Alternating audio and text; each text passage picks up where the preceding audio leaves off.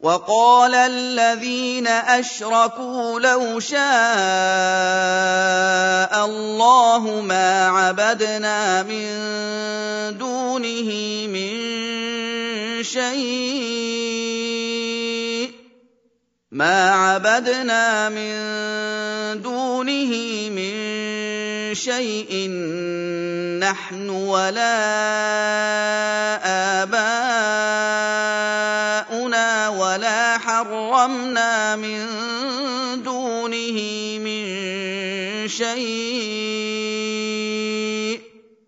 كذلك فعل الذين من قبلهم فهل على الرسل الا البلاغ المبين Orang-orang yang menyandingkan selain Allah dengan Allah dalam beribadah, seandainya Allah berkehendak agar kami menyembahnya semata dan tidak menyekutukannya dengan sesuatu selainnya, niscaya kami tidak menyembah selainnya bersamanya. Tidaklah kami dan tidak pula nenek moyang kami sebelum kami.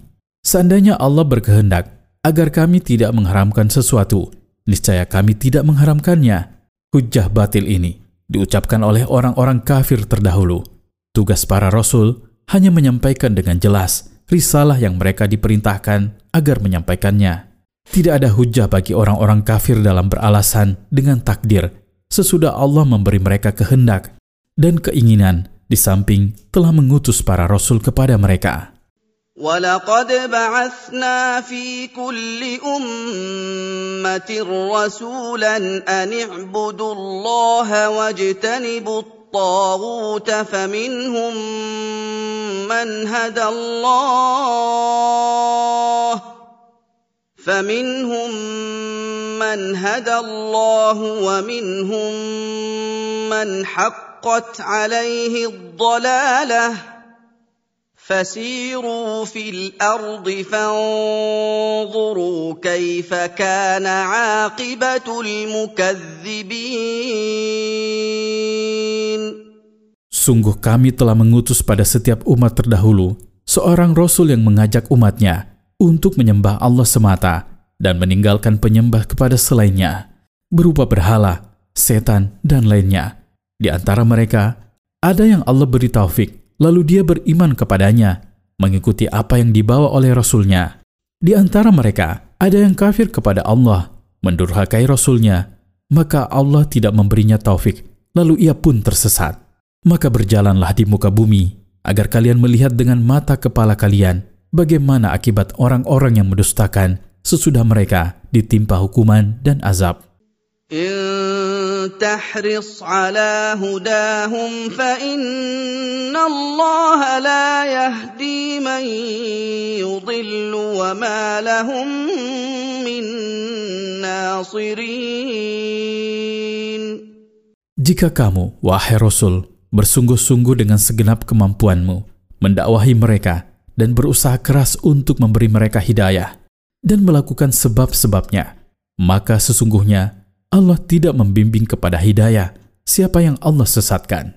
Mereka tidak mempunyai satupun yang menolong dan menepis azab dari mereka selain Allah. وأقسموا بالله جهد أيمانهم لا يبعث الله من يموت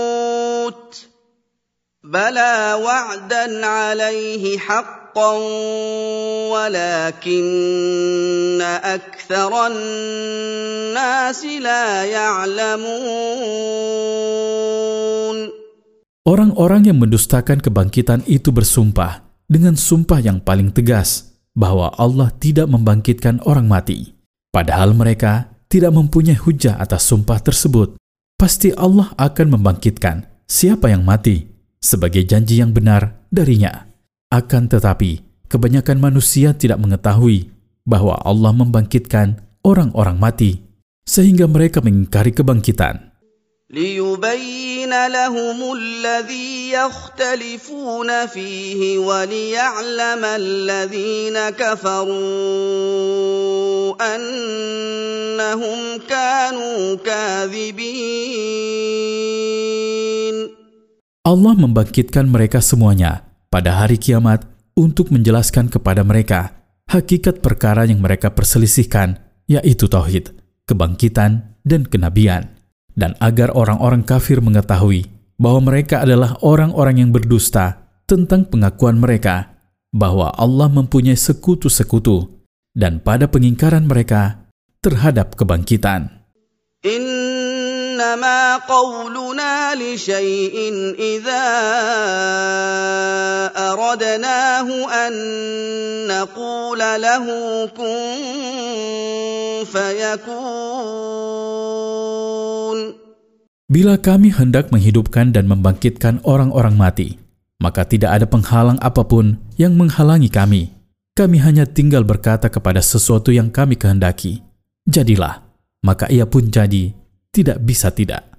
والذين هاجروا في الله من بعد ما ظلموا لنبوئنهم في الدنيا حسنة ولأجر الآخرة أكبر لو كانوا يعلمون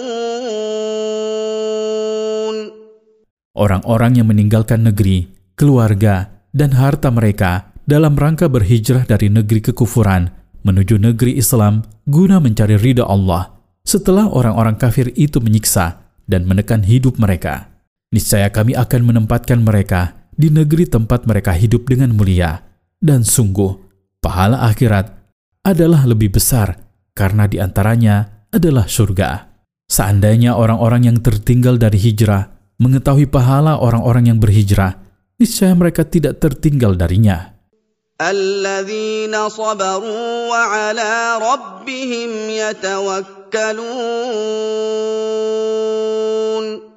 Orang-orang yang berhijrah di jalan Allah adalah orang-orang yang sabar atas gangguan kaum mereka dan berpisah dengan negeri dan keluarga mereka.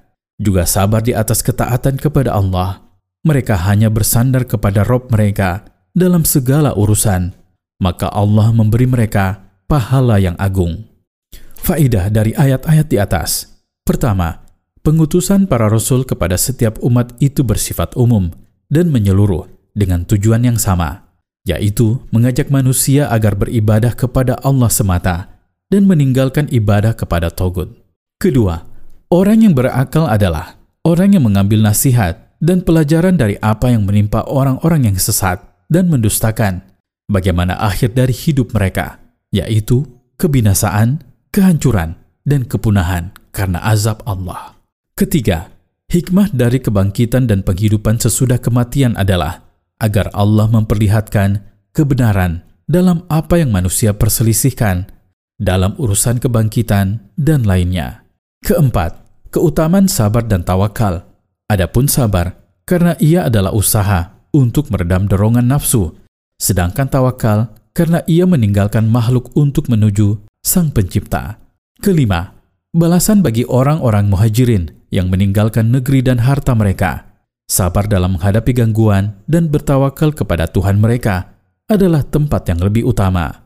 Kedudukan yang baik, kehidupan yang diridhoi, rizki yang baik dan melimpah, kemenangan atas musuh-musuh, serta keunggulan atas negeri-negeri dan para hamba.